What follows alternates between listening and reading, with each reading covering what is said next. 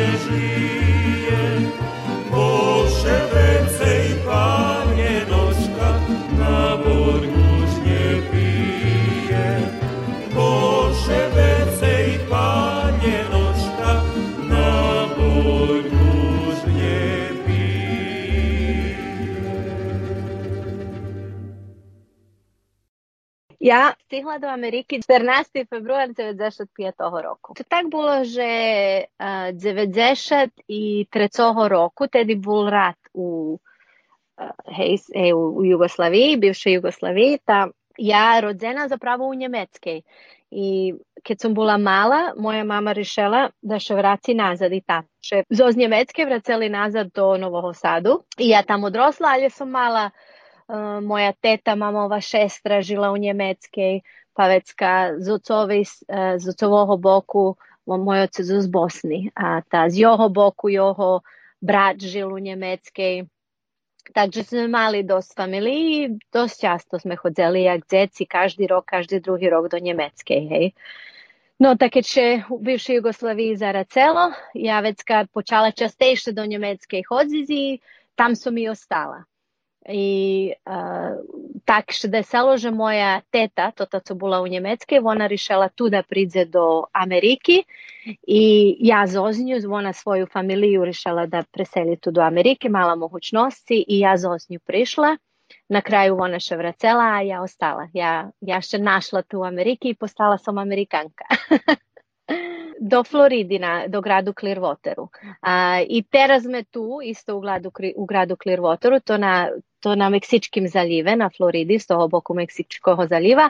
A ešte putovali do 36 državoh. Takže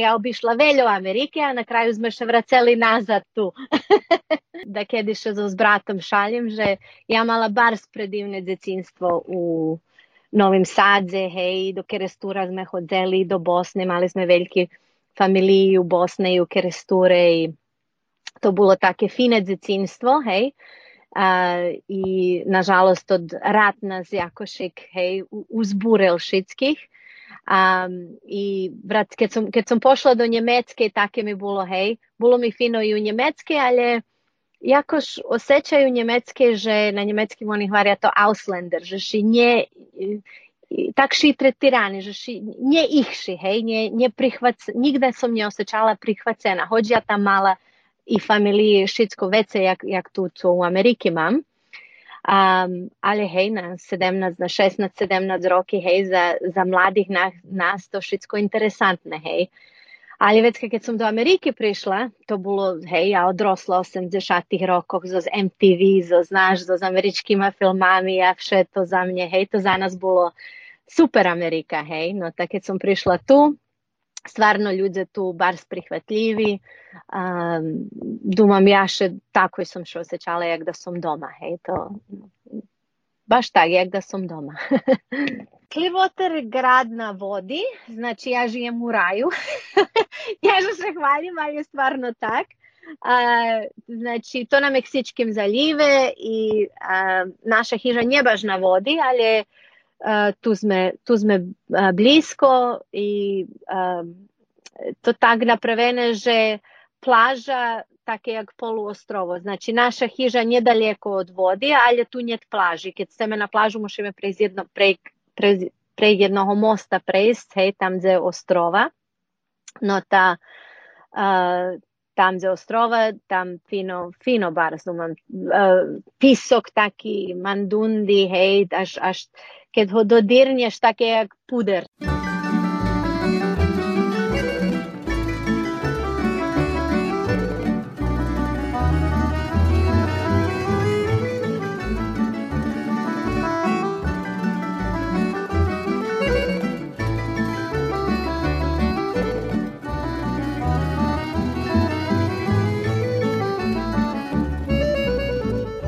Pánom hrajú na tambúroch najlepší hudáky.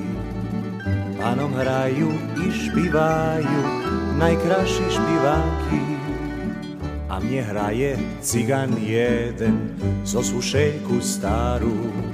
A kontruje syn mu joho zo starú gitaru. Hraje cigan, špíva cigan, písňa šerco rúša. Keď zahraje hušľa stará, oči plakať zmúša. Hraje cigán, špíva cigán, písňa šerco rúša. Keď zahraje hušľa stará, oči plakať zmúša.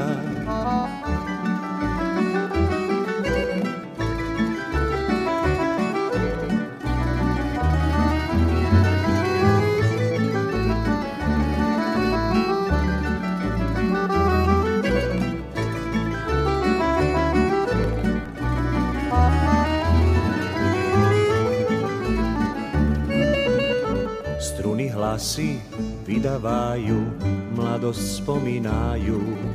I že roky, co prechodza, nič nám nevracajú. I ušeľka už vydáva, gitara stareje. Ľubov naša uše haši, pomaľučky preje. Ľubov naša uše haši, pomaľučky preje. Hraje cigan, špíva cigan, písňa šerco rúša. Keď zahraje hušľa stará, oči plakať zmúša. Hraje cigan, špíva cigan, písňa šerco rúša. Keď zahraje hušľa stará, oči plakať zmúša. Mi teraz ma, sme mali 23 roky godišnjicu braka, znači 23 roky sme už vjedno. Kuščičko mi tak šmišno da hvarim 23 roky, bo to hej, za mne veľo. Ja še, ešte vše osjećam jak da mi 20 i daco roky. Ali ovaj, 23 roky sme vjedno i kompaniju máme od 29 toho roku. I a, máme troch sinov. Najstarši 21 rok, a on studira inženjeriju teraz Štrednji teraz naplnil 13 roky i najmladší 4 roky, troch chlapcov máme. Zato, že robím u tej industriji, hej, već už skoro 20 roky.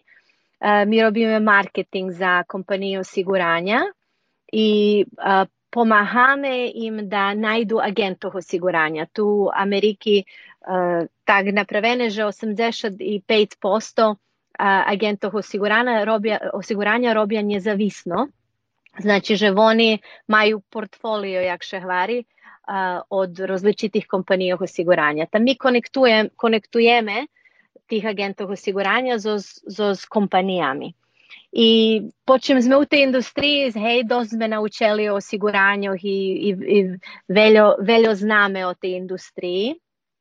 I teraz sme rešili, že a, da isto a, da predavame direktno osiguranja. Takže to teraz sme vekše mesto, da sme boli, da nam ofis locirani, ta renovirame teraz i robíme u tim. Ja mala licencu skore ešte 24. roku za, za predavanje osiguranja, ali som ju nje koristila i teraz som novu teraz obnovela toho roku i to interesantna pripovetka bula jak som je dobila, ali dobila som.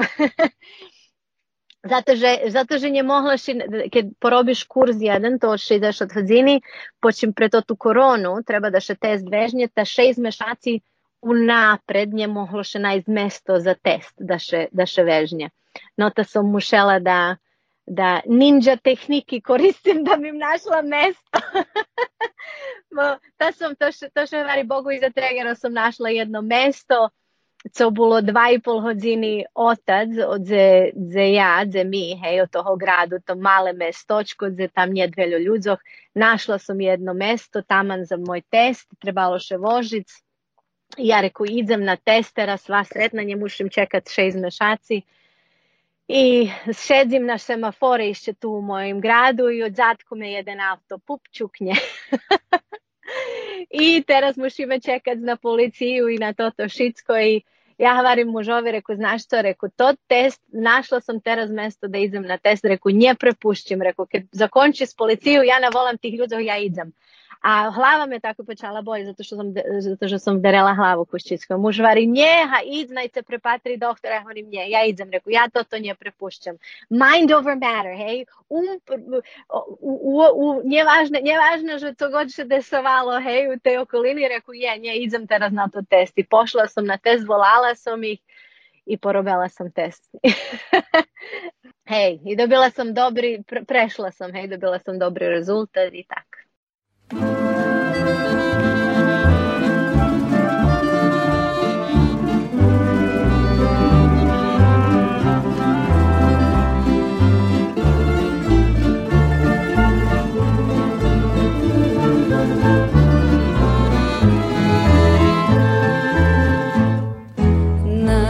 Ci uśmiech masz i że o mnie nie dasz.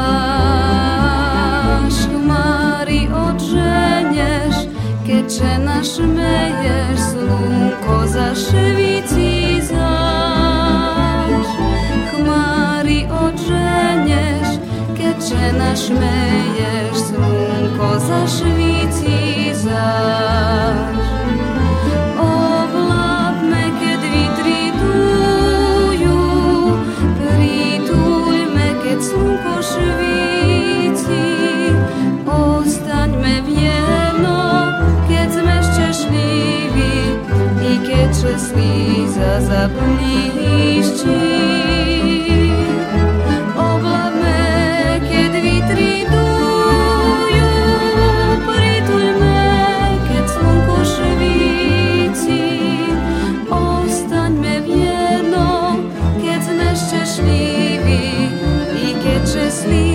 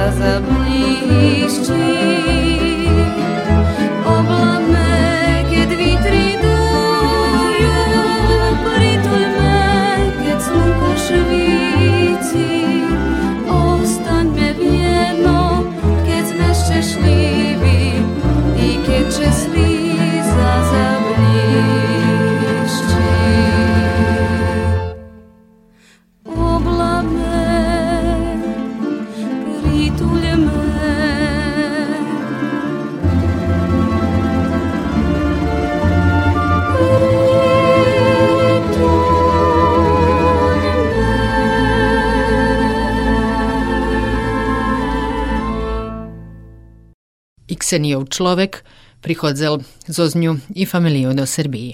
On nie chodzi tak často jak i ja, ale ja barže so s decmi idem. Evo teraz som baš bola u januáru so s uh, štrednjim sinom. Mu tedy bolo 12 roki, to sme prišli i do Novog Sadu, i do Kerestura i Kuščičko smo na Kopaonik pošli isto. Moj muž uh, z Gvatemali, takže on španski pripoveda. Ja probovala deci učic, uh, mi keď še s peršim sinom, keď sme, hej, mali pršoho, môj muž dosť putoval, takže ja so s malkým najstarším tedy som i englejski, i španski, i serbski. A z maceru moju pripovedam rusinski. Takže on nie jednostavno, nie chcel prihvatiti za nijedan jazik. Baba zo njim isto na rusinski pokušala, Uh, moj, moj tato tedy še še živi bol, ta von, hej, von serbski pripoveda, von da obovjazno deci učim serbski, takže ja serbski zo z njima, mada hej, rusinski pripovedam to, takže e, nažalost nje prihvaceli, ali znaju da jedni slova, zato že mama tu, ta mama i ja stalno po rusinski pripovedame i već ka oni, hej, dežeš i co robiš i tak je to ti osnovni slova, co, uh, co, co nas sluhaju, že pripovedame. Baš moj najstarši sin isto prešloho roku bol tam u Novim Sadze u februaru i on tam, hej, imam brata i uh, on ima dvoje od djeci, ta z njima. Moj najstarši sin isto prevedal koščičko čašu, ta i serbski, hej, rusinski, ali je interesantno, že hej, oni tu čuju, jak ja z maceru pripovedam po rusinski, ta vecka z mojim bratom, volim u rusinski slovalj, a jeho djeci nje pripovedaju po rusinski. Moj brat, hej, pripoveda, bo nas mazučala, ali oni već kao dumaju, že to serbski, a to zapravo rusinski slova. ja ih posilala, oni mladi, menjši, kad boli moj najstarši, hej, kad mu bilo tri roki, pa pet roki, pa osam roki bol tam celé leto. Um, ehm, i ja domala, že hej, teraz aj, aj ochabela som ho das pár razu s babou. Ja domala, ha, dobre, ochabím ho, to naučí, znaš, tak najlepšie, bo tak ja naučila to všetky jazyky, co pripojedam, nemala som druhého izbora, bola som u okolini s ľuďmi, to som prilapela, hej co druhý jazyk nepripovedali. Medzi tým kolo ňoho všetky naučili anglejský, počali anglejský parlec a on da skeljo slova co naučil, to nje boli dobri slova, hej. Nje, nje ponosni, ponosni sme na to ti slova co ho učeli. Zos senku u Ameriki i jej mac. Ona tu pre mnje praktično. No ta ona, ona, moja, ona teraz moja asistentica. ja, ja je to to.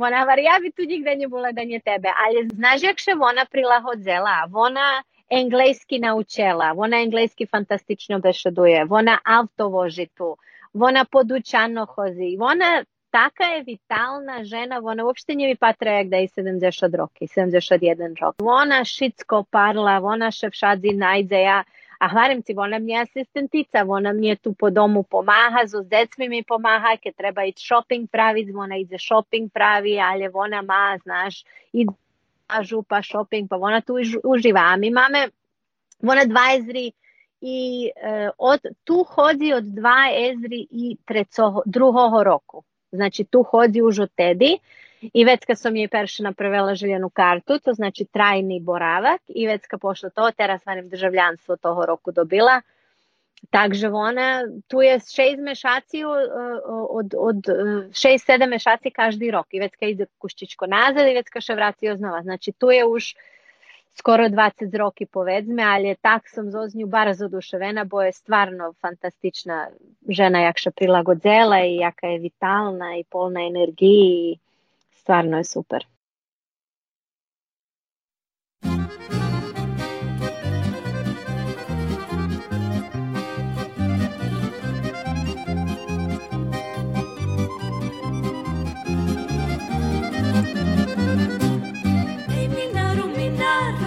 від шкоду, від зем'яна я рочу та загацім воду, від зем'яна я рочу та загацім воду. Пробуй, пробуй, дівчатко, мою воду гаці, стая пове моцо, від шкоду будеш паці, стая пове моцо, від будеш паці.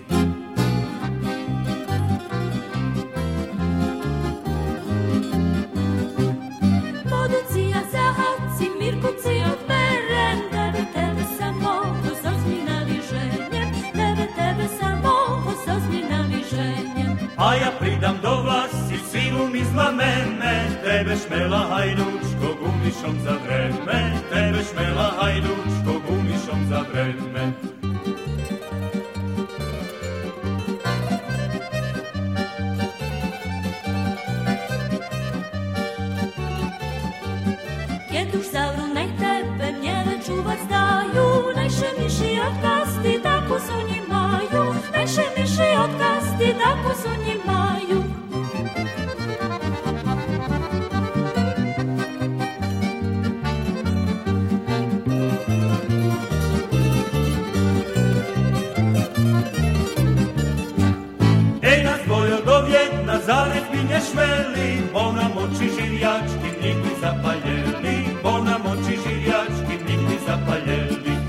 bo nam oči živjački nigdy zapaljeli, bo nam oči živjački nigdy zapaljeli.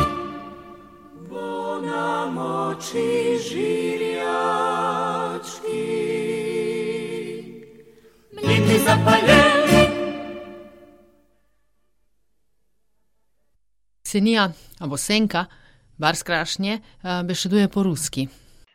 A jest tu rusnacog, znaš, ta, ta budeš moći da i opravdavaš put jak, jak za biznis, znaš? yes.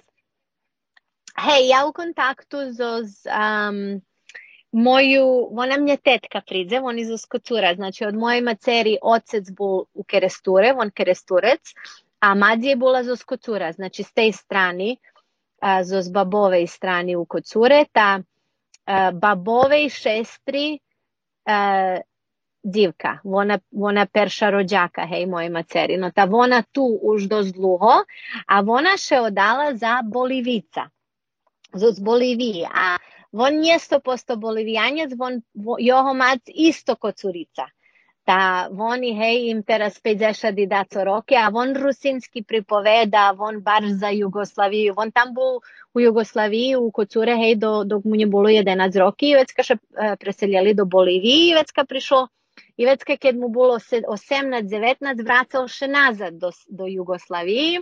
Pa već ka hodzal po Njemecke, to tedi za vreme rata bilo, znaš, pa hodzal po Njemecke, pa bul fotografer tam u, u Keresture jedan čas da skeljo roki, znaš. No ta von teraz veliki šef, on teraz Barz je poznati tu šef u Ameriki, on izučil italijanski šef, znaš.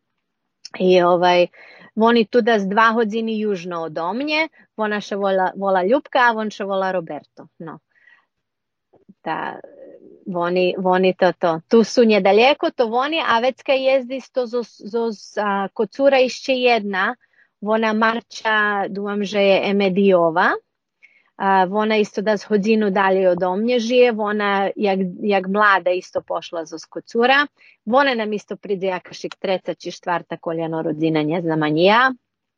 A Vecka e, E, isto u Kocuri jedan Julin von tam žije da tri godini pri, pri Jacksonville to na e, istočnoj obali, znaš. A, a već kad me davno upoznali, može biti ti ih poznaš, Oljo. Oni dva divčata, oni šestri iz Novosadu, a oni uh, pošli do Kanadi, kad pošli per Širas. A, ta, a oni virosli, dumam že na novim naselju, znaš. No, ta oni u Orlandu, ta jedna od tih djevčatov, oni, tak naš rok, ona, ona 72. či štvrti, ne znam, otprilike, a jej šestra 76. tak i ja, bo ja 76. No, ta, to ta, co je 72. treći rok, ona živi u Orlandu i oni to to, um, uh, oni uh, madzi jej, chodzela s moju macero do škole u Keresturev, oni, oni do peršej klasi vedno hodzeli. No, ta sme jih boli posetiti, da spred daskeljo mešacami. No, a možno budi... Kto je pojem? A, a da ti pojem interesantnu pripovedku, že jej šestra od tej, co u, u Orlandu, to co je 76 rok, jak i ja, ta bula odata za peršim rođakom, od, moj, od ženi, co moj brat zo z njo ženjeti. Ta jej perši rođak. Interesantno, jak še vari na engleskim six degrees of separation, znaš, pogotovo među, našmi, među našima ljudmi, znaš.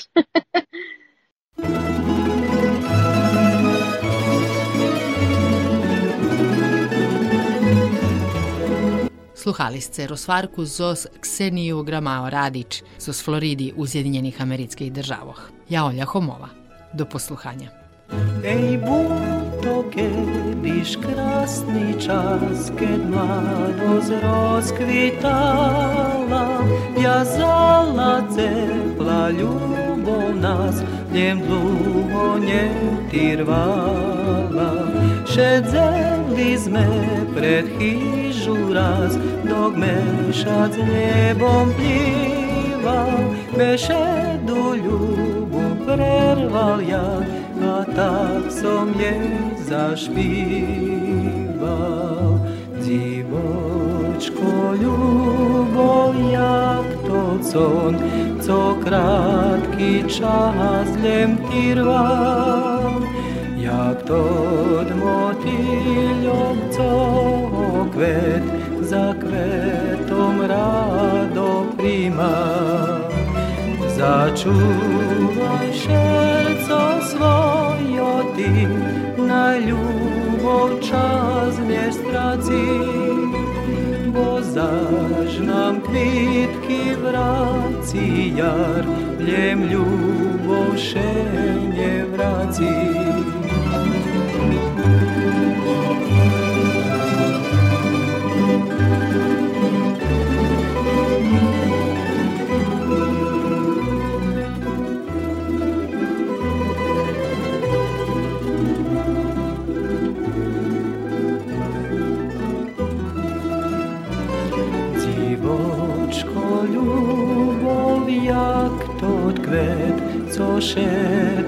prikrašuje. Ljubovi krasu češko znac, bo šeše premenjuje. Razleli njovi zapadma, razružo sokolju, razkrovnej často ja